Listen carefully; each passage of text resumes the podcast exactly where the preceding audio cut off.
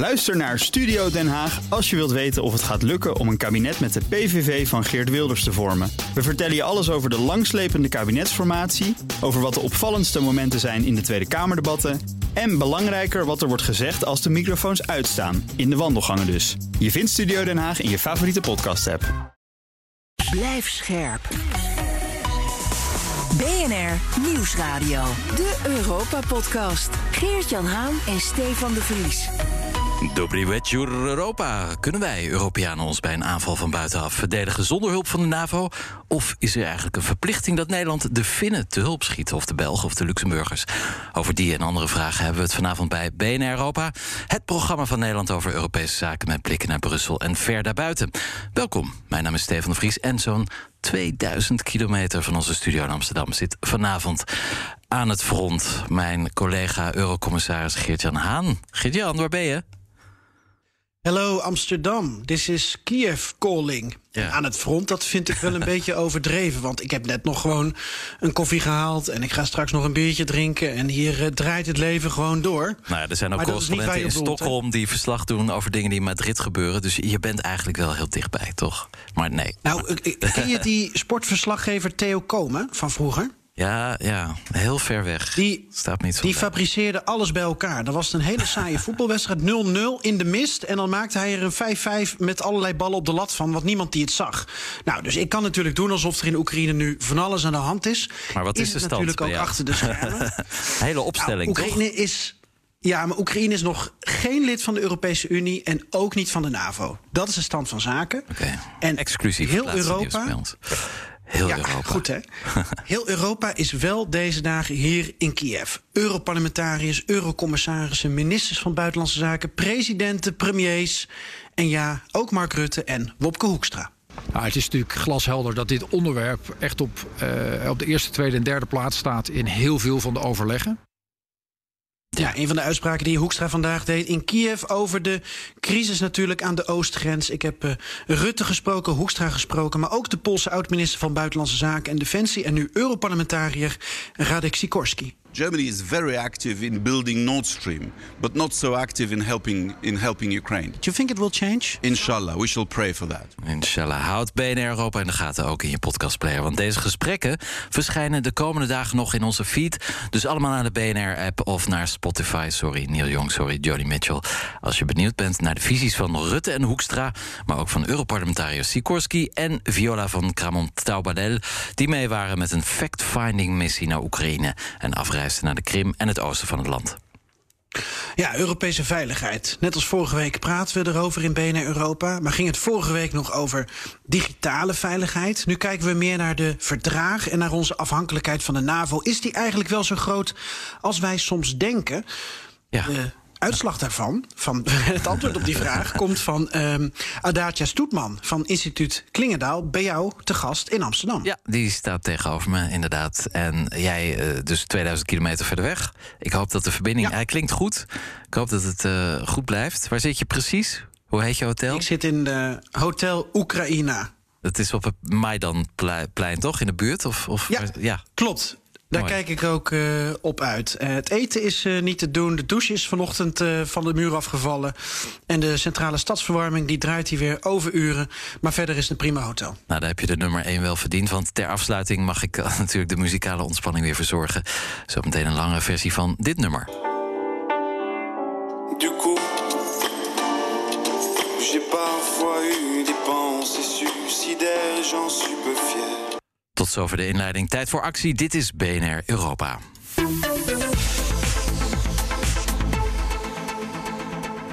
Ja, we gaan naar onze gast. Bij Stefan in de studio in Amsterdam staat Aracha Stoetman, Research Fellow bij de Security Unit van Instituut Klingendaal.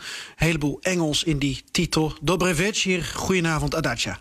Goedenavond Geert-Jan, goedenavond Stefan. Ja, goeiedag um, Adadja. We moeten elkaar in Europa meer beschermen. Daar gaan we het over hebben vanavond. Met de nadruk op moeten. Dat blijkt althans uit een nieuw rapport dat u deze week heeft gepresenteerd met Klingendaal. Uh, vertel eens wat meer over. Wat staat er allemaal in?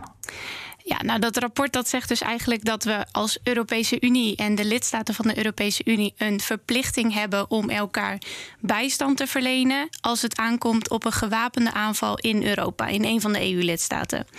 Dat is dus niet zozeer een verplichting om elkaar te beschermen, maar om elkaar te ondersteunen als een gewapende aanval plaatsvindt. En die verplichting die komt eigenlijk voort uit het verdrag van de Europese Unie. Het is artikel 42.7 van dat verdrag. En eigenlijk is dat nog maar heel recent uh, onderdeel van het verdrag. Sinds 2009, toen het verdrag van Lissabon is ondertekend.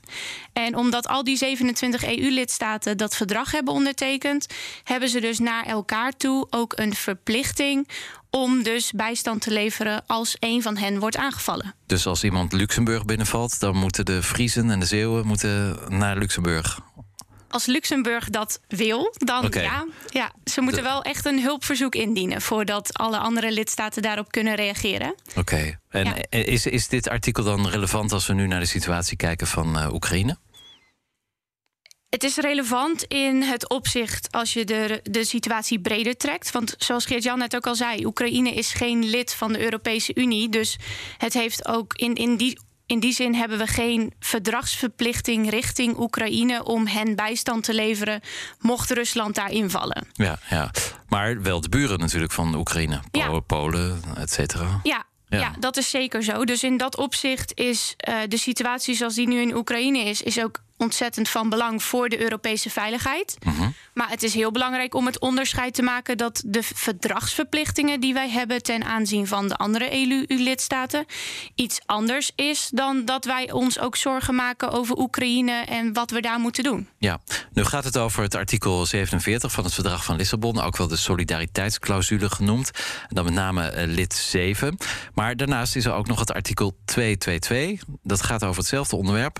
Um, Maar uh, ja, wat zijn de rollen precies? Hoe is de rolverdeling tussen twee, deze twee artikelen? Ja, kleine verbetering. Het gaat om artikel 42.7 en niet ja, sorry, 47. Sorry, maar, dat is, ik verspreek me. 42.7 um, en artikel 222. Ja. Nou, artikel 222 wordt gezien als de solidariteitsclausule en artikel 42.7 als de wederzijdse bijstandsclausule. En wat is in de praktijk het verschil? In de praktijk zal het erop neerkomen dat als een lidstaat artikel 222 inroept, dat de Europese Unie als instelling een rol heeft te spelen. Dus het heeft daar een verantwoordelijkheid, het kan daar actie uitvoeren. En dat is niet het geval als het aankomt op artikel 42.7. Artikel 42.7 is volledig door de, member, of door de lidstaten van de EU gedreven. En eigenlijk worden de afspraken als gevolg van het inroepen van artikel 42.7 vaak ook bilateraal gemaakt. En dat is enerzijds een groot voordeel, omdat je dan niet de trage besluitvorming van de Europese Unie hebt. Ja. En wat ook nog meespeelt in dit opzicht is dat artikel 222 22 politiek heel gevoelig kan liggen, omdat je bij dat artikel, als je dat inroept, dan erken je eigenlijk dat je niet in staat bent om de crisis die op dat moment in je land afspeelt, zich afspeelt, niet het hoofd kunt bieden. Ja. En dat is eigenlijk wel een klein beetje een zwaktebod natuurlijk als je dat aangeeft. Ja. En ja, geen enkel lidstaat wil natuurlijk overkomen als zwak. Nee, nee. Um, en dan de NAVO. Die, die hebben ook nog uh, niet alle lidstaten van de EU zijn ook lid van de NAVO. Ja. Um, en vice versa trouwens. Hebben die regels dan eigenlijk niet nodig als we deze twee verdragsartikelen al hebben binnen Europa? Nou, kijk, ik vind dat de NAVO en de EU elkaar heel goed kunnen aanvullen. Dus geen van beide is overbodig als je de focus legt op de ander. En in dat opzicht is het heel belangrijk om te onderkennen dat beide organisaties anders van karakter zijn. De NAVO is van oorsprong een militaire organisatie, terwijl de EU in het begin is opgericht als een economische organisatie. Uiteraard wel met politieke doeleinden. Mhm. Maar de EU heeft zich eigenlijk uh, tot nu toe nog maar een beperkte rol gehad als het aankomt op veiligheid en defensie. En de 21 lidstaten die lid zijn van zowel de NAVO als de EU, die zullen ook altijd de NAVO als de primaire organisatie voor collectieve verdediging beschouwen. En dat is ook wettelijk vastgelegd in artikel 42.7. Dus in artikel 42.7 staat een zinnetje opgenomen waarin staat dat de verplichtingen die voortkomen uit 42.7 niet de verplichtingen moeten ondermijnen die voortkomen uit het NAVO-verdrag. Dus de NAVO gaat voor? Dat is een keuze die Ja. ze maken. Een lidstaat heeft zelf de keuze om te kiezen welk artikel ze inroepen, zolang het elkaar maar niet ondermijnt. Nee, maar het kan soms ook ingewikkeld worden. Want in 2020 bijvoorbeeld hintte Griekenland op een confrontatie met de Ja. Turken. En dan had je dus de vreemde situatie dat landen als EU-lidstaat Griekenland hadden moeten steunen in een aanval tegen Turkije. Maar tegelijkertijd is Turkije ook weer voor heel veel lidstaten onze NAVO-bondgenoot. Ja. Ja, dat zijn natuurlijk hele penibele situaties als die zich voordoen. Ja. En wat je zult zien in, in zulke situaties is dat er alles aan gedaan zal worden om te voorkomen dat Griekenland artikel 42.7 moet inroepen. Dus kijk, het is nooit een spontane actie, het inroepen van dat artikel. Dat gaat vaak vooraf met een periode van spanningen.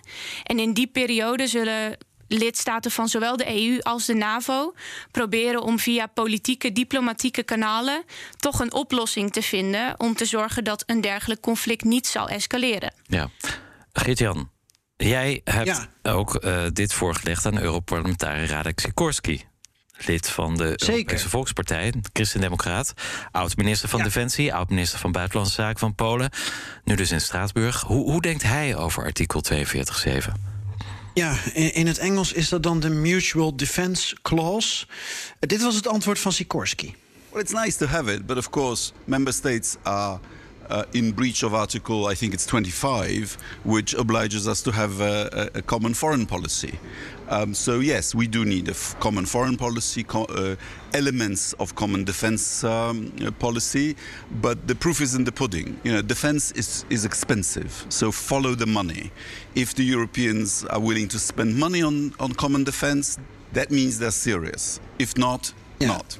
Yeah, nice to have, Ja, Geert-Jan. Sikorski ehm, eh, haalt er ineens van alles bij, maar trekt het breder. Ik denk dat wij dat zo ook even moeten doen over de, het, strategische kompas van de Europese Unie waaraan gewerkt wordt. Eh, wa- wat ik nog wel interessant vond, Adacha Sikorski zegt: dit artikel is nice to have. Ben je het daarmee eens?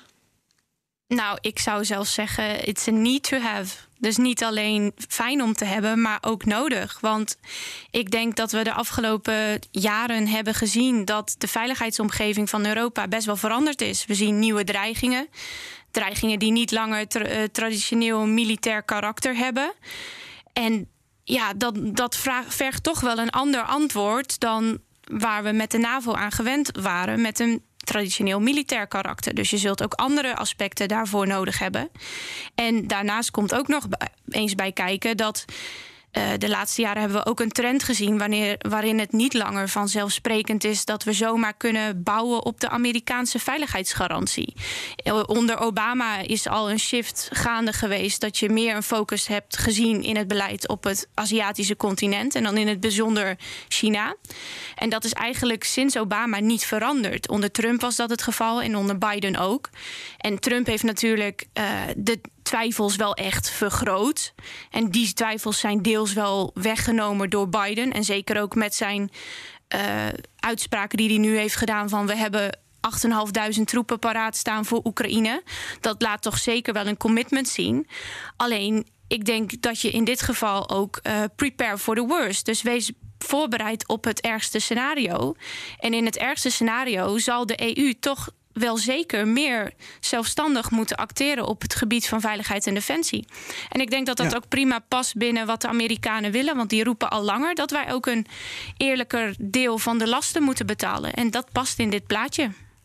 Ja. En nu werken we aan een Europees strategisch kompas. Ja, de luisteraar leert ongelooflijk veel, heeft al zes artikelnummers opgeschreven. En nu ook nog een, eh, een nieuw strategisch kompas. We hadden eigenlijk Dat weer een eh, moet- jargonbelletje moeten hebben. Ja, shit. Volgende keer weer erbij. Volgende keer, Dat, ja. dat, dat moet er eh, dit voorjaar komen. Ja. Ja. dat is al heel snel. Dat wil ook Frankrijk tijdens het voorzitterschap van de Europese Raad. Josep Borrell, de buitenlandchef, wil dat heel graag. Misschien eerst, Adacia, dat, dat Europees strategisch kompas. Wat moeten we ons bij voorstellen? En, en, en past het inderdaad ook binnen het verhaal dat jij net eh, eh, verkondigde? Ja, ik denk het wel. Eh, dat strategisch kompas is eigenlijk, moet je heel letterlijk opvatten. Want een kompas geeft richting aan iets. En het Europees Strategisch Kompas, dat moet eigenlijk concrete richting geven aan het Europese beleid op het gebied van veiligheid en defensie. En we hebben natuurlijk in het verleden allerlei strategiedocumenten gehad. En ja, daar staan een heleboel mooie woorden in. Maar die werden niet altijd opgevolgd met hele concrete daden. En dit strategisch kompas biedt eigenlijk een hele mooie kans voor de EU en zijn lidstaten om die kloof tussen ambitie en realiteit te dichten.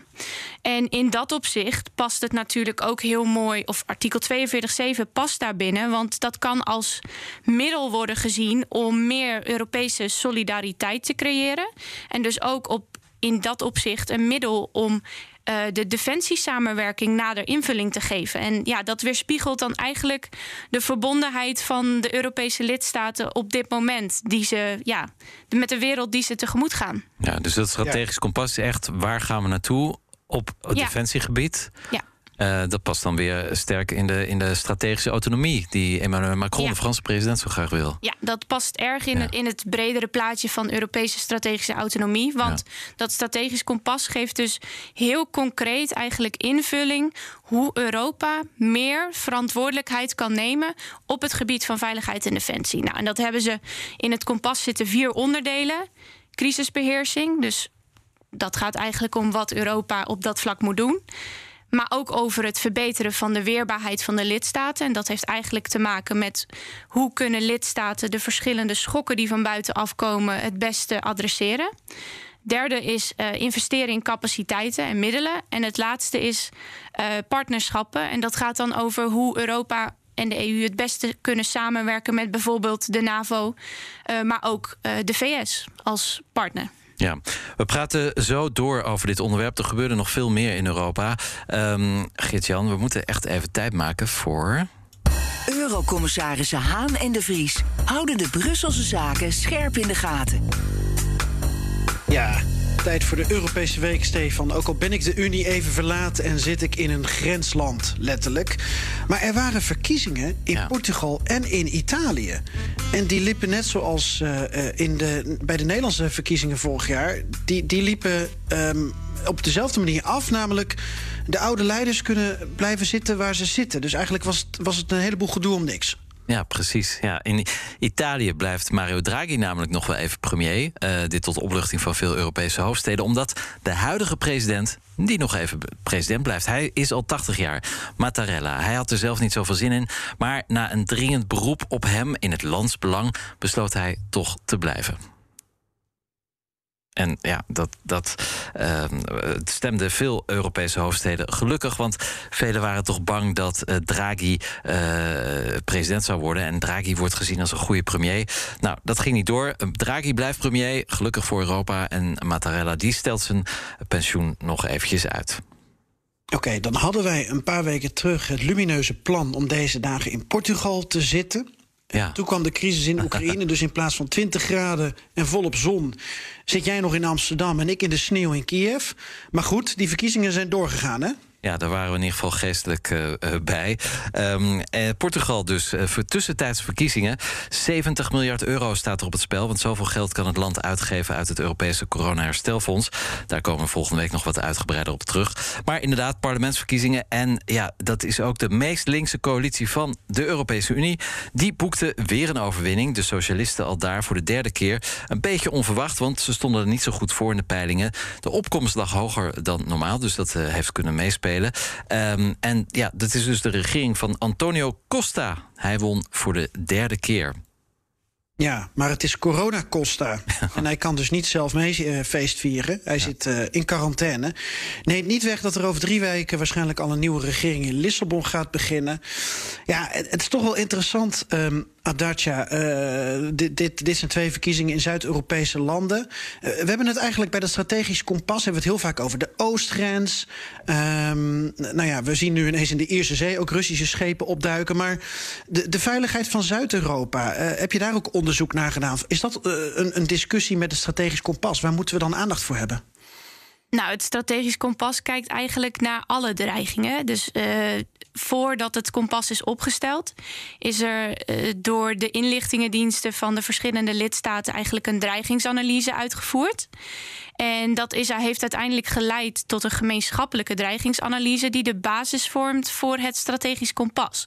En daarbij is zowel gekeken naar uh, de oostflank, dus wat gebeurt er aan de oostgrens van de Europese Unie, als ook uh, als mede ook naar gekeken naar de dreigingen die aan de zuidflank van de Europese Unie zijn. En dat is natuurlijk inherent aan de EU, want de 27 lidstaten van de EU hebben allemaal verschillende dreigingsprioriteiten. Waar in het oosten zich vooral zorgen wordt gemaakt om uh, wat er in Rusland gebeurt, zullen de zuidelijke Europese lidstaten zich wellicht meer bezighouden met instabiliteit en conflicten in bijvoorbeeld Noord-Afrika en het Midden-Oosten, omdat zij daar mogelijk weer de gevolgen van ondervinden via bijvoorbeeld migratiestromen.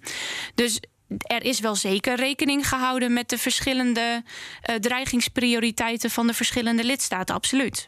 Ja, um, dat was Portugal, het Europees nieuws. Er was nog een ander Europees nieuwtje, Geert-Jan.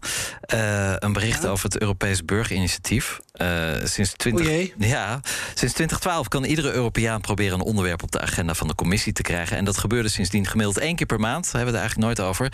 Je hoort er verder ook niet zoveel meer van. Maar de meeste, of een groot deel wordt direct verworpen. Maar vandaag, woensdag, keurde de commissie een Europees burgerinitiatief goed. En dat heet Win It on the Pitch. En wat willen ja, ze? Ik heb me er een klein beetje in verdiept. Ja. Ik begrijp dat de organisatoren die willen dat de Europese Commissie het voetbalmodel en de maatschappelijke waarde van sport in het algemeen in Europa dan beschermt. En als de organisatoren binnen een jaar een miljoen handtekeningen verzamelen uit tenminste zeven verschillende lidstaten, moet de Commissie wel reageren. Maar dan komt misschien het Europese voetbal buitenspel te staan. Het klinkt een beetje als het Oekraïne-referendum. Ja, inderdaad. Maar ja, binnenkort kan iedereen zijn handtekening zetten. En inderdaad, misschien wordt uh, voetbal dan toch een soort van uh, Europees uh, cultuurgoed. We zullen het zien. BNR Nieuwsradio. De Europa-podcast. Stefan de Vries. Ja, Daja Stoetman is nog steeds bij mij in de studio in Amsterdam. En Geert-Jan zit te blauwbekken in Kiev. Is het koud daar, Geert-Jan?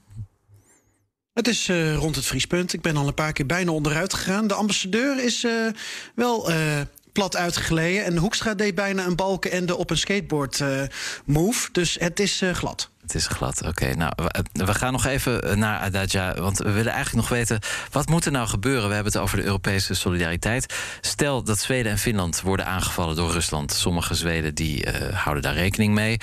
Finland is geen lid van de NAVO, wil daar ook niet bij. Zweden is ook geen lid, maar daar beginnen de gedachten nu toch wel te veranderen. Zweden wil misschien wel... in ieder geval meerderheid van de bevolking is nu wel voor NAVO-lidmaatschap. Maar stel, morgen valt Rusland, Zweden en. Finland binnen. Wat, wat moeten wij dan? Als Europeanen? Nou, ik denk dat het goed is om te benadrukken dat zowel Zweden als Finland beide de optie altijd hebben opengehouden om lid te worden van de NAVO. Maar totdat het moment dat ze dat zijn, is natuurlijk artikel 42.7 van het Europese verdrag ontzettend relevant. Want dat biedt eigenlijk een mogelijkheid voor Zweden en Finland om ja, op de steun, op de bijstand van de andere EU-lidstaten te bouwen eigenlijk. En wat je dan dus ziet, stel uh, Rusland zou Finland of Zweden aanvallen. Mhm. En dat kan zowel militair als uh, door middel van bijvoorbeeld in combinatie met cyberaanvallen of het verspreiden van fake news via social media. Uh, dan wordt er natuurlijk een procedure in werking getreden. Ja. Die procedures staan niet zwart op wit vastgelegd. Dus wat je krijgt is, stel Rusland valt Finland aan, dan roept Finland artikel 42.7 in. Dan moet Finland vervolgens een hulpverzoek opstellen. Dat hulpverzoek moet heel concreet bevatten wat Finland wil van de overige EU-lidstaten.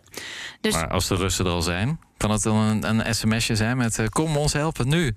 Nou, wat, je, wat je bij Frankrijk hebt gezien is dat de Fransen vrij direct vroegen om ondersteuning voor uh, de operatie tegen IS in Irak en Syrië. Mm -hmm. En ja, dus een dergelijk verzoek kan Finland ook opstellen tegen Rusland. Ja. En ja, het is uiteindelijk aan Finland om te besluiten wat zij willen. Willen zij een uh, ondersteuning van militaire aard of zitten ze liever op iets anders te wachten? Ja, dat, dat laat zich heel moeilijk voorspellen. Dat kunnen we nu niet verzinnen. Maar nee. dat is uiteindelijk een politiek besluit wat in Finland genomen moet worden. Gert-Jan.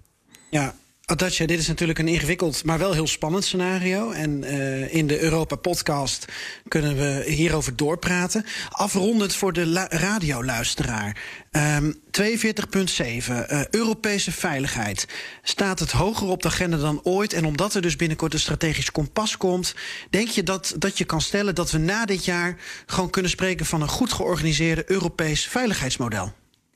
Nou, ik denk zeker dat het hoog op de agenda staat. Uh, er komt niet voor niets een strategisch kompas met echt concrete invulling voor Europese veiligheid en defensie. Dus dat zonder meer. Maar het heeft natuurlijk tijd nodig om van waar we nu zijn te komen tot een volwaardig Europees defensiekader, om het maar even zo te noemen. Uh, daarvoor zijn de doelstellingen. Kijk, op dit moment heb je nog een heleboel tekortkomingen op het gebied van Europese defensie. En die moeten opgevuld worden. En dat kost tijd. Dat, is niet, dat gaat niet over één nacht ijs. Daar gelden een heleboel belangen van de verschillende lidstaten. Maar ik denk dat het heel goed is dat er in het kompas gewoon hele concrete doelstellingen zijn. Met daaraan gekoppeld ook jaartallen waarin die doelstellingen bereikt moeten worden. En als ze dat daadwerkelijk kunnen realiseren met elkaar, ja, dan heb je toch echt wel een solide basis. We praten in deze aflevering van BNR Europa over de lieve Europese vrede. En dat doen we met Adagja Stoetman van Instituut Klingendaal. Mijn naam is Stefan de Vries. En in een nu nog vredig, maar wel een beetje fris Kiev zit Geert-Jan Haan. Jij, jij kent Kiev natuurlijk heel goed, hè? Hoe is het om daar weer terug te zijn, eigenlijk? Je was er al een tijdje niet meer geweest. Ja, ook alweer leuk. Ja. Ik heb hier... Uh, elf jaar terug ben ik hier komen wonen. Ben ik hier uh, aan mijn eerste correspondentschap uh, begonnen. Ja. En ik ben 15 jaar terug volgens mij voor het eerst in Oekraïne geweest. En het is gewoon zo'n leuk, uitdagend land. Um, en het is natuurlijk wat uit, uitdagender geworden de laatste jaren door alle oorlogsperikelen. Maar ik kwam hier in een tijd dat hier het EK voetbal werd georganiseerd. Um, en toen zag je dus echt een soort Oekraïnse identiteit ook ontstaan. En ook echt uh, het idee dat ze bij Europa hoorden. Dat was wel grappig. Ze wonnen de eerste wedstrijd van Zweden. Die heb ik toen live op Maidan en Greshatik. Dat is de grote hoofdstraat door Kiev. Die aan Maidan grenst. Heb ik op grote schermen met de Oekraïners die wedstrijd gezien. 2-1 tegen Zweden. En uh, Shevchenko was de grote man. En het was vergelijkbaar met een, een Nederlandse Koninginnedag. Een Nederlandse ja. Koningsdag. Een, een vreugde, dat is onbeschrijfelijk. En het was dus eigenlijk gewoon een vreugde van... we horen erbij. En, en daar probeer ik nu weer de vinger achter te leggen ook. Van wat is er tien jaar na die vreugde-explosie... Wat is er veranderd? En uh, ja, ook die discussie over EU en NAVO. Weet je, Oekraïners willen veel liever bij de EU dan bij de NAVO, Stefan. Omdat ja. uh, de NAVO is inderdaad staat voor veiligheid en, en is een militair bondgenootschap. Maar de EU staat voor vooruitgang en een bepaalde way of life. En dat is wat de ik denk de, de meeste Oekraïners wel, wel willen. Daar hebben ze in ieder geval het minst op tegen. Ja, ja, en is het erg veranderd in die, in die 10, 15 jaar dat je daar nu rondloopt? Uh, wat, wat, zie je dat, dat bijvoorbeeld vooruit is gegaan of achteruit is gegaan? Ja, vind ik moeilijk. Uh, er is, um, Oekraïne, is, Oekraïne is een heel tech-savvy land is heel erg meegegaan, ook in de vaart der volkeren. Er zitten ontzettend veel IT'ers hier. Dat was 10, 15 jaar terug ook als echt een hub. Um, ik denk ook het bezoek van Hoekstra en Rutte deze week. Economische belangen zijn best wel groot met Oekraïne. En dat geldt zeker ook voor IT-belangen. Ja. En wat me ook nog opviel is bijvoorbeeld van, nou ja, uh, overal de Ubertjes en de Bolts en uh, uh, noem maar op, super makkelijk. Um, ja, het, het Engels gaat steeds beter natuurlijk. maar dat is natuurlijk met dat EK voetbal tien jaar terug. Toen moesten alle bordjes ook in Latijns schrift worden gepubliceerd. Alles moest leesbaar worden. Ik zie nog wel een zekere Slavische ja, apathie. Um, terughoudendheid. Ik had gedacht ten opzichte van tien jaar terug dat met name de, de jongeren uh, wat toegankelijker zouden zijn. Maar de meisjes van 16 of 18 of 20 of 22, die vind ik nog wat, wat bleu. Ja. Uh, ik weet niet of dat bij de leeftijd ook hoort. Maar ja, ik had iets meer outgoing misschien nog verwacht. Ja, dat is een beetje mijn indruk. Maar goed, ja, ik ben hier ook natuurlijk om, om te werken. En ik ben zo uh, ongelooflijk veel politici en diplomaten aan het volgen en spreken deze week. Omdat er zegt iedereen op de koffie komt bij Zelensky. En daardoor de koffie van, uh, van Hoekstra en Rutte koud is geworden. Want die zijn een dag lang uh, gepasseerd. ja. Um, ja, hoe dan krijg je toch hoe, wat minder tijd voor het echte Kiev. Hoe moeten we dat zien? Is dat een schoffering? Of, of nou, ik heb het Hoekstra gevraagd. Hij oh. zei van niet. Hij zei van Hij niet. vond het helemaal niet erg. Nee, maar, ja, dat- Maar ik heb wel begrepen. die, die man heeft dat, echt het ehm, sociale voelsprieten van, van, een, van een dode mus. Want eh, alles wat hij heeft gezegd over Zuid-Europa eh, in het begin van de coronacrisis. En daarna wilde hij nog met vakantie naar Italië en Spanje. Eh, dus ik, ik weet niet of hij dan een goede graadmeter is. Maar goed, we hebben hem zo ook nog in deze Ik- uitzendingen. Ja, ik, ik vind dat hij het tot nu toe in deze crisis best wel aardig doet. Zeker voor een debutant op eh, buitenlandse zaken. Laten we nog even teruggaan naar Finland en Zweden. Daar hadden we het net over. Dat was een voorbeeld dat we gebruikten om dat artikel 42.7 eventjes eh, te kijken hoe dat dan werkt in de praktijk. We vroegen aan jou, eh Adadja Stoetman, nog steeds in de studio, hoe dat dan in zijn werk gaat. De Russen vallen Helsinki binnen morgenochtend. En dan, ja, jij zegt er moet dan een verzoek komen. Dat klinkt nogal bureaucratisch. Eh, inmiddels rukken de Russen op eh, na- naar, naar Zweden. Eh, hoe, hoe zie je dat? Hoe zou dat in de praktijk? Het is een beetje een, een scenario schrijven voor een Netflix-serie, maar Ja, kijk, het is heel moeilijk om dat vooraf al volledig uit te stippelen. Ook omdat dit artikel nog maar één keer eerder is ingeroepen. En dat was in reactie op een terroristische aanslag die plaatsvond in Parijs. Dus Ja. er is ook niet heel veel waar we op kunnen bouwen wat dat betreft. En kijk, zo, stel Rusland zou Finland aanvallen. Dat gebeurt natuurlijk niet van de ene op de andere dag. Het is heel aannemelijk dat daar voorafgaand al van alles gebeurt. Dus ik kan me indenken dat er oefeningen zijn aan de Fin- Finse grens bijvoorbeeld, dat daar spanningen oplopen, dat er bijvoorbeeld eh, op grote schaal fake nieuws wordt verspreid in Finland onder bijvoorbeeld de Russische minderheden die daar zijn. Ik kan me indenken dat, eh, dat er misschien wel cyberaanvallen plaatsvinden. Dus het, het is nooit een op zichzelf staand iets. En op het moment dat dat al gaande is, in die periode zal Finland ongetwijfeld al met andere EU-lidstaten consulteren en overleggen over wat er gaande is. En alles wat dan gebeurt, zal gericht zijn op, op de-escalatie. Wat we dus nu eigenlijk ook in Oekraïne zien. ja. Dus eh, iedereen wil voorkomen dat daar een daadwerkelijk conflict ontstaat. En daar zullen ze alle mogelijke politieke en diplomatieke middelen voor inzet- inzetten. ja. Even naar Geert-Jan. Eh, wat wil je Ja. zeggen? Ja. Adatja, eh, het grootste eiland in de Oostzee, Gotland, van Zweden, daar zijn ze al aan het mobiliseren. Want ze zitten op eh, ja, eh, schotafstand van Kaliningrad, de Russische enclave waar raketten staan. Wat is nou precies een aanval wanneer artikel 42.7 in werking kan treden? Wanneer er een beroep op kan worden gedaan? Want je had het net over een terroristische aanslag, maar we hebben het nu over ja, in, het, in het idee van Stefan, in dat scenario komen de Russen dus de grens oversteken. Is, is eh, 42.7 geldt dat vanaf het moment dat je voet op vreemde bodem zet? Of mag dat ook met een raket? Of mag dat met een cyberaanval? Hoe zit dat? Nou, kijk. Er zijn niet hele harde eisen vastgelegd in het verdragsartikel. De enige eis die wel vaststaat, is dat het een gewapende aanval moet zijn op het territoire van een EU-lidstaat. En dat houdt dus in op het grondgebied, in de territoriale wateren of in het luchtruim boven die twee. Maar dan doet de vraag natuurlijk al heel snel op van wat kan dan geclassificeerd worden als een gewapende aanval. Nou, ik denk dat het vrij duidelijk is dat als de Ru- Russen binnenvallen, dat dat wel redelijk veilig geclassificeerd kan worden als een gewapende aanval. Het wordt natuurlijk veel moeilijker als de Russen gebruik maken van hybride tactieken. Dus wanneer ze gebruik maken van cyberaanvallen en het verspreiden van desinformatie. Want dat is enerzijds is dat veel moeilijk eh, toe te- terug te brengen naar wie heeft het uitgevoerd. Was dat inderdaad Rusland, ja of nee? Dat is enerzijds al heel lastig. En anderzijds is het ook minder eh, duidelijk wat daarvan de directe effecten zijn op een land als Finland of Zweden. Dus waar je dan naar moet kijken is dat mocht er inderdaad een gewapende aanval plaatsvinden in de vorm van cyber, dan is het heel belangrijk om te kijken wat is nou precies de schade die hier wordt aangericht.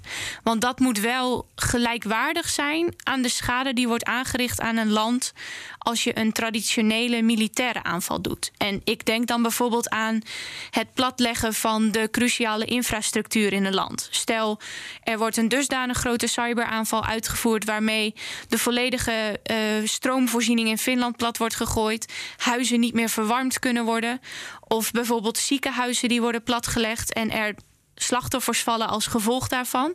Kijk, dat zijn wel dingen waarvan je kunt zeggen: dit zouden zou onder een gewapende aanval geclassificeerd kunnen worden.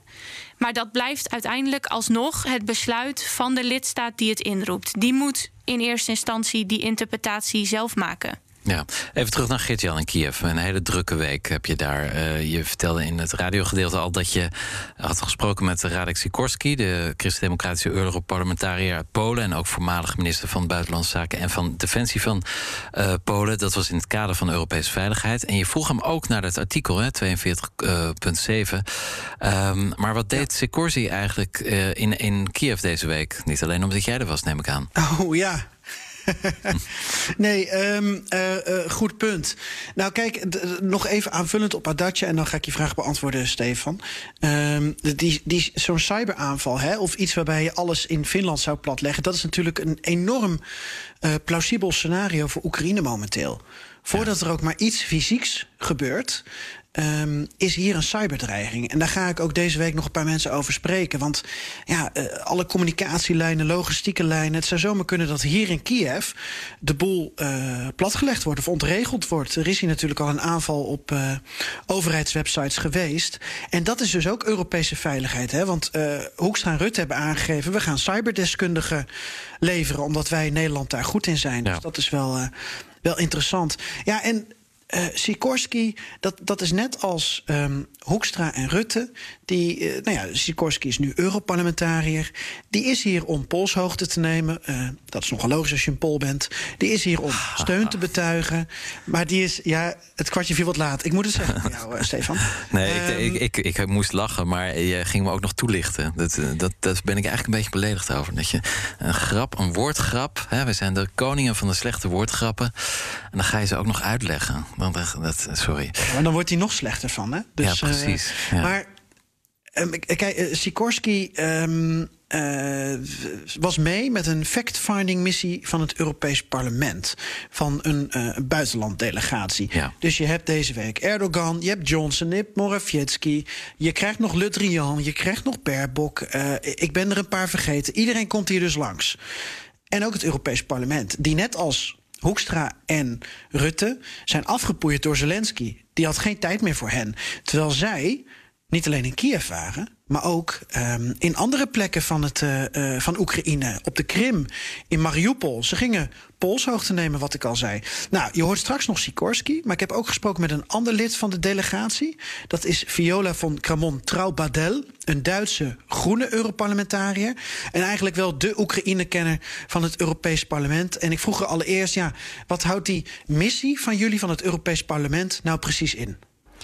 Well, I mean, I have to say there was an uh, extraordinary AFID mission in Strasbourg almost two weeks ago, and there was decided that it would be a good idea to see with your own eyes, to talk uh, to the people on the ground uh, in the east, but also here in the capital, and to get a better idea, feeling of, of, of what's going on and how close this war, this potential attack, this military force from the Russian side is already. Um, uh, and, and, and it was interesting. I mean, we were a mixed uh, mission. Um, uh, colleagues from different uh, countries, different political groups, different backgrounds. Uh, so that was interesting also for, of course, the interlocutors here to see that there's a broad interest, there's a broad readiness also from the European Parliament to support, um, to have a differentiated uh, picture of, of what's going on. And uh, I mean, I come here very regularly. I was in Mariupol three times uh, recently. Um, for me, there was nothing too much new, but of course, it was rather astonishing that the situation from May to August until now has not really changed. So, our perception is that the war is very close. But in the real life of Ukrainians, nothing has really changed so far no one is panicking in Mariupol. Not at all, and I think is there a mobilization of nothing, volunteers? zero, and that is really what worries me a little bit because I think that the government has an interest, which is good, to calm down the situation. Fine. And of course, there's no need to panic, and there's no need that people go now and withdraw money from the bank accounts, and the, the, the um, country runs the danger of, of, of being uh, bankrupt or, I mean, has really problems with the uh, with, with, currency reserves, absolutely not. But on the other hand, in a let's say very empathic way to explain what to do, where do you find shelter, what is in place, and so on. I mean, raise awareness in a, in a constructive way what the government is doing, what kind of provisions, but still you find mainly this split of, of positions. Many people tell you there will be, it's just a bluff. There will be no um, attack. And I think this is a little bit irresponsible because you never know. I mean, Putin, you cannot really rely on anything. He's completely um, irresponsible, not only, but also um, unpredictable. And so I wish the government, I mean, obviously the military side is getting prepared. So there was a lot of confirmation from that side um, that things are in place, which we cannot, of course, uh, approve. But um, in the civilian sector, nothing has changed. Ja, ja Stoetman. Um, kijk, je bent geen Oekraïne-expert, dus ik zal niet een te ingewikkelde vraag uh, stellen. Maar wat deze Europarlementariër zegt, is dat ze in Oekraïne eigenlijk nog niet op alle fronten een enorme mobilisatie zien van, uh, van het leger. Um, ze zijn niet in paniek. Het is eigenlijk wel gek, want we hebben het over Europese veiligheid en hoe we elkaar kunnen helpen. Maar binnen jouw researchgebied gaat het heel erg om dat een land zelf een verzoek moet doen. Um, ja, Oekraïne doet wel heel duidelijk een verzoek op onze veiligheid, maar lijkt zelf eigenlijk helemaal niet warm te draaien en, en de boel uh, klaar te zetten. Vind je, vind je dat verwonderlijk? Ja, enerzijds wel natuurlijk. Uh, want waarom wel een beroep doen op anderen als je zelf nog niet gereed bent om middelen in te zetten? Dat is ja, zeker verwonderlijk in dat opzicht. Maar ja, ik denk wel dat dat het verzoek van Oekraïne, los van het feit dat dat verzoek is gekomen, in Europa sowieso al groeiende aandacht was voor de problematiek in Oekraïne. Simpelweg omdat wij daar ook gewoon veiligheidsbelangen hebben als Rusland daar dingen doet die niet mogen. Uh, en dan heb ik het nog niet eens over een inval, maar gewoon hoe het nu daar bezig is zichzelf te positioneren langs de grens. Ik bedoel, Oekraïne grenst aan, de, aan het EU-grondgebied, aan het NAVO-grondgebied. En in dat opzicht is het dus ook een, een directe bedreiging voor de EU en de NAVO. En daar spelen een heleboel belangen mee. Aantal Europese landen die krijgen gas uit, uh, uit via Oekraïne uit Rusland. En ja, als daar iets mee gebeurt, dan is ineens de, de energieveiligheid komt dan in het geding. En afgelopen zomer nog uh, voer een Nederlands vergrat in de Zwarte Zee. En die werd lastiggevallen door de Russen. Ja, kijk, en dan, dan komt het ineens heel dicht bij huis. En ja, dan is het toch wel verwonderlijk dat Oekraïne wel een beroep doet op Europa, maar nog niet echt een beroep op de, de interne kant van het verhaal. Ja, Geert-Jan, ik wil het ook nog even hebben over Mark Rutte en uh, Wopke Hoekstra. Zij waren maandag en woensdag, uh, dinsdag en woensdag, sorry, in Oekraïne. Uh, je, hebt, je hebt met ze gesproken. Wat is hun beeld van de Europese veiligheid op dit moment? Nou, hun beeld is dat je moet blijven praten. Het is een beetje cliché. Maar ik denk dat jij en ik daar ook in geloven. Hè, dat zolang je praat. Hoe zei Olaf Koens dat nou laatst in onze aflevering? Uh, er wordt uh, gelukkig nog gesproken, maar niet, geschoten. Gesproken, maar niet geschoten. Dat is het. Het gaat er alleen wel om met wie praat je. En ik denk dat uh, Rutte en Hoekstra die hebben benadrukt. Uh, dat vond ik wel opvallend. Ik kreeg de indruk dat Rutte met name zei dat dit eigenlijk een, een laatste kans is voor de diplomatie. Nu moet alles op alles worden gezet om goed te blijven praten. En dan noemt hij dus een aantal borden om op te schaken. Dan noemt hij dus de NAVO, hij noemt de EU. Um, hij noemde heel nadrukkelijk het Normandië-format. Daar zijn de meningen wat over verdeeld. Hoe belangrijk dat is. Dat is dat overlegorgaan tussen Rusland, Oekraïne, Duitsland en Frankrijk. Ja, daar zitten de twee uh, uh, partijen ook bij elkaar aan tafel natuurlijk. Ja, en hij had het uh, niet over. Um, een, een, een organisatie die, die deze week eigenlijk ineens is komen opzetten. Ja, als een konijn, uit, ja, als een konijn uit een hoge hoed. Met, met Boris Johnson. En met Polen. Een soort uh, triple entente. Uh, tussen eigenlijk drie hele vreemde kostgangers. Uh, ja. Heb je daar nog over gesproken? Het is een beetje gek, maar wat, wat, wat is jouw uh, indruk daarvan? Wat heb je daarvan meegekregen, van wat het precies inhoudt? Nou ja, voor zover ik dat kan beoordelen vanuit Amsterdam... denk ik dat dit de manier is van Boris Johnson... om uh, ja, toch, toch een soort van rol te pakken op het Europese toneel... die natuurlijk aan hem voorbij is gegaan sinds Brexit. nog afgezien van het feit dat dit natuurlijk weer afleidt... tot allerlei van de problemen die hij in eigen land heeft. Maar het is heel duidelijk dat hij wil laten zien... dat het Verenigd Koninkrijk een, een, een belangrijke geopolitieke speler is. En ja, om dan nu zo'n zo'n triootje te gaan, gaan doen met, met Polen en Oekraïne, uh, opmerkelijk. Uh, niemand had het denk ik zien aankomen. Uh, ja, had, had, jij daar... Nou ja... ja. is het heel arrogant als ik zeg dat ik het zag aankomen? Nou, nou nee, maar ik ben benieuwd want... naar hoe je het dan zag aankomen. Want ja, je hebt natuurlijk goede analyses, maar ik ben wel nieuwsgierig naar hoe je er dan dat, dat toch zag aankomen. Had je, heb je glazen bol? Nee, maar dit gonste al maanden in de Oekraïnse en Poolse media. Ah. En dat geeft dan toch aan dat, uh, dat, dat we daar met z'n allen niet uh, genoeg op letten.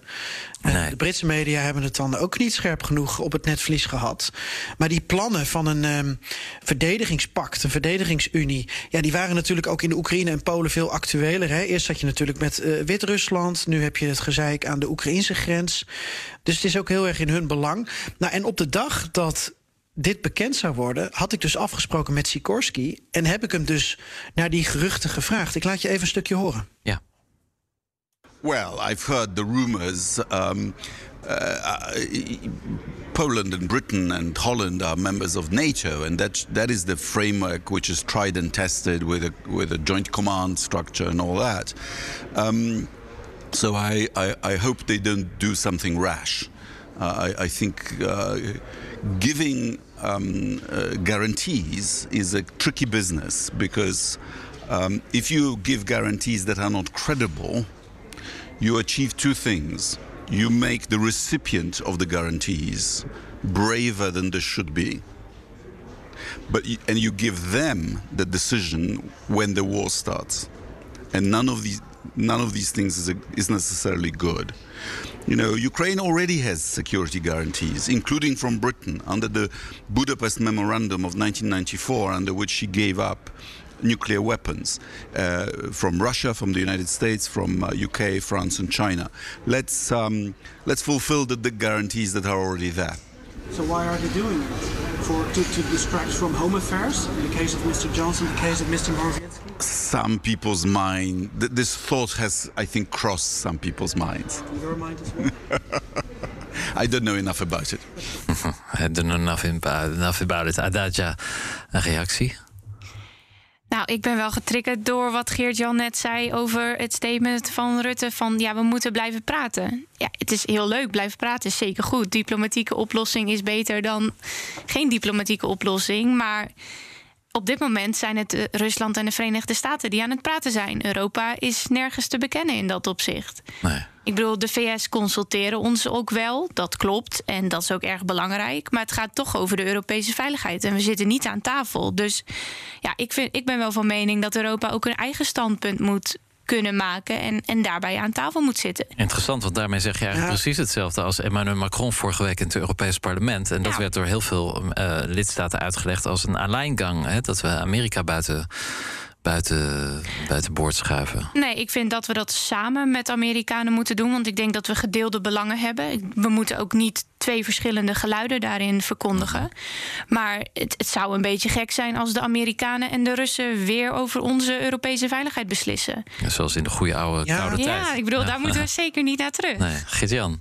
Beste mensen in Amsterdam, ik, ik denk dat het een moeilijke discussie is, omdat we niet helemaal weten waar het punt van, dan gaan we een beetje Kremlin watchen, waar het punt van Poetin nou precies om gaat. Gaat dat inderdaad om de NAVO? omdat hij allemaal eisen heeft gesteld aan de NAVO, wat, wat door Amerika wordt aangevoerd. Dus dan heb je automatisch een 1-2'tje tussen Rusland en Amerika. Of gaat het uh, toch in dit geval om Oekraïnse en daarmee Europese veiligheid? En je zou ook kunnen zeggen of denken dat als Biden nu uh, zelfstandig zou zeggen: ik geef uh, de bal weer even terug aan bijvoorbeeld Frankrijk, aan Duitsland, om dat binnen dat Normandië-format op te lossen. dan zou Europa automatisch weer aan tafel zitten. Kijk, en, en, en, Johnson speelt zijn rol, Polen speelt zijn rol. Uh, Erdogan hebben we het nog niet eens over gehad. Maar ik denk dat die Europese rol langzamerhand wel wat sterker wordt. En ik zou, als ik Biden was, ook zeggen van... nou, ik, uh, ik geef je wat terug. Ja. Adadja, wil je daar nog wat aan toevoegen? Nou, dat zou niet verkeerd zijn. Ik bedoel, we hoeven Amerika niet helemaal los te laten. Maar het zou goed zijn als we in ieder geval actief mee mogen praten. Ja, het wordt tijd om op eigen benen te staan. Uh, 80 jaar Stefan? na de Tweede Wereldoorlog. Ja, Gert-Jan. Voordat we naar uh, een afrondende uh, reportage gaan. Ja. Macron en, en Poetin hebben gebeld. Ja, vrijdag. En Macron is eigenlijk degene die ik hier in, in Kiev nog heb gemist. Ik weet dat Le Drian komt. Wat is de relatie Macron-Oekraïne? weet je daar iets van? Ja, een lastige. Frankrijk en Rusland hebben natuurlijk een, een, al een hele nauwe oude band, uh, ook cultureel. Uh, dat heeft er ook mee te maken. Um, veel Fransen hebben fascinatie voor Rusland, ook Russische literatuur, um, Russische cultuur en zeker ook Russische dictatoren, of, of ja, hoe zou je het noemen, autoritaire leiders. Um, daar, daar, dat vindt iedereen in Frankrijk eigenlijk wel interessant, want het liefst zouden ze natuurlijk ook zo'n autoritaire leider hebben. Die hebben ze ook eigenlijk, Emmanuel Macron, iets democratischer. maar vooral bij Frans rechts is er een enorme fascinatie voor Russische politiek. Er zijn ook nauwe banden. Marine Le Pen bijvoorbeeld, die, die is regelmatig in het Kremlin geweest. bij de vorige presidentscampagne had ze een lening gesloten in Rusland. Overigens heeft ze dat nu gedaan bij Viktor Orban, geloof ik. Uh, maar er is dus zijn nauwe banden. Dus wat nu precies eigenlijk de agenda is, de Russische agenda van de Fransen. Ik vind het altijd heel moeilijk om te lezen of om daar doorheen te kijken. En dat geldt dan ook met de banden met Oekraïne. Kijk, in Frankrijk is men er absoluut van overtuigd dat Oekraïne bij Europa hoort. Dat wil niet zeggen per se bij de Europese Unie. Um, maar uh, Oekraïne heeft recht op onafhankelijkheid. Uh, Rusland moet zich er niet mee bemoeien. Um, toen de oorlog was in Georgië in 2000, wanneer was het? Acht alweer, geloof ik. Um, vloog Nicolas Sarkozy ook als een. als als de wielen weer gaan, alsof hij zelf het artikel 42.7 was naar Georgië en naar Rusland om uh, de vrede te bewerkstelligen. Uh, dus het is een, een, een, rare relatie eigenlijk, waar je niet 1, 2, 3, althans ik, de vinger op kan leggen. Maar de rode draad in dit geval is dat Oekraïne gewoon met rust gelaten moet worden door Rusland. En ja, hoe dat dan zich uit, we zullen het zien deze week met het bezoek van uh, Jean-Yves Le Drian, minister van Buitenlandse Zaken van Frankrijk. Uh, wat voor gemeenplaatsen hij zal zeggen over de situatie. Ja, nou, voor mij gaat hij samen met Baerbock. En ja, ja, ik zei al, Frankrijk zit in dat Normandië-format. Toen ja. onder Hollande. Dus wat dat betreft hebben ze wel een plek aan tafel. Ja, zeker. Geert-Jan, je was ontzettend druk deze week in Oekraïne. En je maakte ook nog eens een reportage met Mark Rutte en Wopke Hoekstra... over wat er allemaal mis kan gaan. Wat, heb je precies, uh, waar gaan we naar luisteren? Want die horen we zo.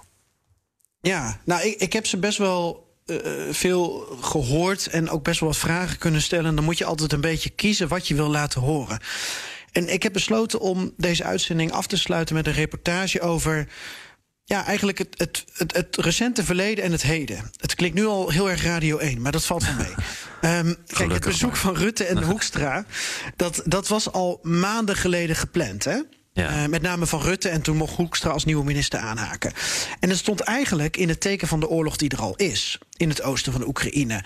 In het teken van de annexatie van de Krim. Ook uh, afhandeling MH17. Weet je, 14.000 doden zijn er al gevallen in Oost-Oekraïne. Ja. En daar is dat Normandië-format weer uit voortgekomen. Want in 2015 kwam het tot een staakt het vuren. Dankzij Frankrijk, Duitsland, Rusland en Oekraïne. Ja. Maar dat is altijd de status quo gebleven. Dat ligt nu op de geopolitieke tafel. Nou, Rutte en Hoekstra, die zijn deze week in Kiev rondgeleid langs een heel indrukwekkend monument met foto's van alle gesneuvelde soldaten. En Rutte en Hoekstra die, uh, zijn ook bij de OVSE in Kiev langs geweest. Uh, weten dus echt wel nu van de hoed en de rand van de situatie op oorlogsgebied. Maar ook ja, de OVSE monitort en heeft ook veel verstand van MH17. En daar kwamen ze ook samen met leden van het Joint Investigation Team. Nou, en Rutte en Hoekstra hebben uh, bij dat monument rozen neergelegd. En dat was dus eigenlijk ook voor de slachtoffers van MH17. Ja. Voor de volgens mij 296 mensen, waaronder 198 Nederlanders die omkwamen toen die Russische boekraket op 17 juli 2014 dat vliegtuig uit de lucht schoot. Nou, ik, ik, hoe heb ik deze reportage gemaakt? Je gaat wat fragmenten horen van hun bezoek aan dat monument Onder begeleiding van de Oekraïense minister van eh, Buitenlandse Zaken. Dat is uh, Kuleba, spreekt uitstekend Engels. En dat wordt dan afgewisseld met, met vragen die ik aan Rutte en Hoekstra heb gesteld over van hoe ervaar je Kiev op dit moment? Kan het zomaar weer misgaan? Dat is naar, waar we naar gaan luisteren. Prime Minister, I, I want to show you one picture. You see the very first gentleman in black uniform killed on 18th of March 2014. This is the first uh, casualty of the illegal. Meneer Rutte, als u op straat loopt, de hele week worden wij in alle programma's gebeld. Wordt aan ons gevraagd: wat is de sfeer op straat? Hoe ervaart u de spanning en sfeer in Kiev? Ik ervaar het als de sfeer in een land wat gewend is om te gaan met grote onzekerheid en met grote gebeurtenissen. Ze hebben natuurlijk in uh, begin deze eeuw zijn er uh, dingen hier gebeurd, vreselijke dingen gebeurd. 2014, zowel nationaal als ook de bezetting van so Krim. famous green man, yeah. the Russian army without insignia. They were taking one all, all Vervolgens de, uh, de gebieden in Oost-Oekraïne die niet meer onder controle staan van de Oekraïnse regering. En sindsdien inmiddels bijna over de 14.000 mensen daar omgekomen aan die grens tussen ja, wat Oekraïne wel beheerst en wat Oekraïne niet beheerst. The leadership of Ukraine believed that it was possible to make agreements with him and to have trust and to negotiate. But that was a real, a real game changer, as MH17 was for you and for other EU, EU countries. Dus dit land is gewend om te gaan met een enorme mate van onzekerheid, van gevaar. En dat merk ik op straat. Het is een trots land. Uh, dus mensen go about their business. Ze gaan door met hun leven. Maar ze zijn niet naïef. Ze weten dat er ook ernstige dingen kunnen gebeuren. Maar heeft u het gevoel als u hier loopt dat het elk moment fout zou kunnen gaan? Nee, dat is niet het gevoel wat je krijgt. Ook niet het gevoel wat de mensen uitstralen. Maar goed, ik ben hier nu 24 uur. U bent hier veel langer. Dus eigenlijk zou ik de vraag terug moeten stellen. Bent u het met mij eens dat het, dat, dat, dat, dat gevoel er is? Bij mij. Herkent u dat? Zou, zou ik aan u willen vragen. Ik herken dat wel. Alleen de mensen die luisteren en de Nederlanders thuis... die hebben het idee dat Oekraïne al in opperste staat van paraatheid is. Ja, omdat er natuurlijk wel een zorgwekkende situatie aan de gang is. Aan de Russische kant van de grens zie je natuurlijk een enorme opbouw van Russische militaire capaciteiten. En dat wordt gebracht als in de context van we gaan trainen en oefenen en alles en nog wat. Ja, dat zullen we dan moeten afwachten. No, very simple, very human. Uh, it's very moving. Hè? It's very moving and, and, and also see all the young faces. I can tell you. Meneer uh, Hoekstra, de vraag die ik ook aan meneer Rutte stelde. U bent hier 24 uur. U loopt over straat. Er zitten heel veel vergaderingen natuurlijk. Maar als u hier bent, heeft u het idee dat hier elk moment de oorlog kan beginnen? Ja, wat je natuurlijk heel vaak ziet in dit soort situaties. En, aan de ene kant zijn de winkels open. Uh, lopen er gewoon mensen op straat. Uh, gaan mensen naar hun werk. Uh, dus dat, daarmee lijkt het uh, behoorlijk vredig. En tegelijkertijd hebben we gisteren ook bij de OVSE hebben we gezien wat er op die camerabeelden verschijnt in de regio in het oosten. Ja, en dan zie je allemaal cameraposten. En dan wordt er uitgelegd hoeveel schendingen er vrijwel dagelijks ook zijn van dat zaakt het vuren. Ehm, en ja, dat is pak een beetje 800 kilometer verder weg. Uh, maar het gebeurt wel in dit land. Dus wat dat betreft is, is het ook belangrijk om je niet te laten bedriegen door de schijn van dat het hier nu vredig en rustig is en het normale leven gewoon door lijkt te gaan. I was myself on the phone with Putin for six nights following the 7th of July. I don't have to tell you. You experienced who he is and what his policy are. Als u hier naar kijkt, kunt u beschrijven wat u ziet en wat het met u doet? Uh, nou ja, je ziet foto's van jongens die uh, op 17 juli zijn omgekomen. Dat is de dag waarop het vliegtuig neerkwam. En het komt zo dichtbij. Ja, dit raakt me echt enorm, ja. ja. Oké, okay, so I don't want to freeze you Thank anymore. you for organizing. Uh, yeah, just I hope special. it gives you a sense of uh, all the feelings that uh, this country has. Ja, mooi gedaan, Geert-Jan. Dat was jouw uh, gesprek met uh, Mark Rutte en uh, Opke Hoekstra over hun indrukken deze week in Oekraïne. Ja, in twee dagen moeten ze toch wel een goed beeld krijgen, denk ik. had je de indruk ook? Het was meer dan gewoon even een beleefdheidsbezoekje. Ja, dat was het zeker. En, en dit kan je niet in een Zoom-gesprek doen. Nee. Dan had het Rutte denk ik niet op die manier geraakt. En hij was er ook nog niet geweest. Hè? Dat is ook heel raar natuurlijk. Ja. Als je zo'n ramp dan hebt uh, ge, ge, gemanaged eigenlijk. Ja, ja. Dus ik, um, vond dat, uh, ik vond ze oprecht geïnteresseerd. Ze hebben echt lang bij die muur staan kijken naar al die foto's. Ze hebben zich goed laten bijpraten.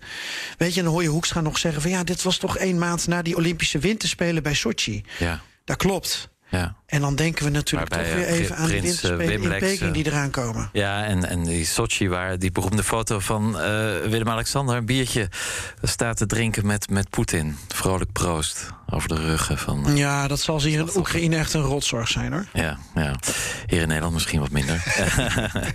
in ieder geval, mooie tijd. Heb je en mooie verhalen in Oekraïne. Volgende week sta je gewoon weer naast me hè, in Amsterdam, hoop ik. Dat is wel het eh, plan. Ja, eh Adatja helaas niet, hè? Nee, maar ik dank Adatja Stoetman van Instituut Klingdaal voor vanavond... voor eh, het gast zijn hier in BN Europa. De nummer 1 in... Ja, ik weet natuurlijk niet of Adatja Stoetman van eh, Instituut Klingendaal Europese muziek kan waarderen. Maar dit is toch wel een vrij bekende Europese artiest. We gaan naar onze zuidenburen. Du coup, j'ai parfois eu des pensées suicidaires, j'en suis peu fier. Croit. Dit is eh ontegenzeggelijke Stromae met L'Enfer, de hel. Staat op 1 in België. Eh, en ik wou eigenlijk vragen, Stefan, of jij de betekenis wist. Maar ik heb Stromae al bij Matthijs van Nieuwkerk gezien... waar jij dan regelmatig mee samenwerkt. Dus ik dacht, daarom heb je dit nummer uitgekozen. Eh, nee, eigenlijk was dit een keus van, eh, van Roos, onze stagiaire. Maar ik had vorige week al op mijn lijstje Oh, wat leuk. Want vorige week stond ook al nummer 1 in België. L'Enfer betekent de hel. En hij zingt in dit nummer over zijn depressieve en zelfmoordgedachten. Ja, hij staat op 1 in België. Maar ik denk dat dit toch op dit moment wel eigenlijk de grootste artiest is in Europa. Of in ieder geval een van de grootste. Nummer 1 dus in België. En ik denk binnenkort ook wel in de rest van Europa. Je hebt altijd een mooie playlist, vertel. Ja, nou, deze nummer 1 die staat ook alweer in onze playlist op Spotify. Zoals alle hits die we in BNR Europa draaien. Even zoeken op BNR Europa nummer 1. En schone muziek is uw deel. Opmerkingen zijn welkom op het e-mailadres europa.bnr.nl. Hebben we dat sinds kort? Ja, dat, hebben we zeker. Heb ik even geregeld. Wat goed. Het wachtwoord is En we zijn, er ook op, we zijn er ook op Twitter, BNR Europa. Volgende week zijn we weer op woensdagavond om 7 uur. Hier op BNR, allebei in Amsterdam, hoop ik. Dan hoop ik je weer te zien. À la prochaine, Gert-Jan Haan. Ja.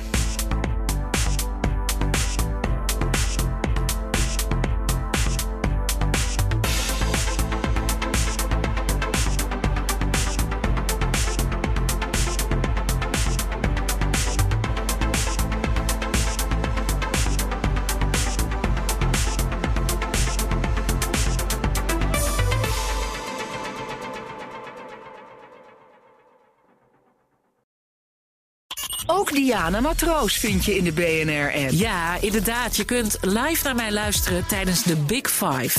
Ook handig in de BNR-app. Breaking nieuwsmeldingen, maar ook het allerlaatste zakelijke nieuws. En je vindt in de app alle BNR-podcasts, waaronder Wetenschap Vandaag. Download nu de gratis BNR-app en blijf scherp.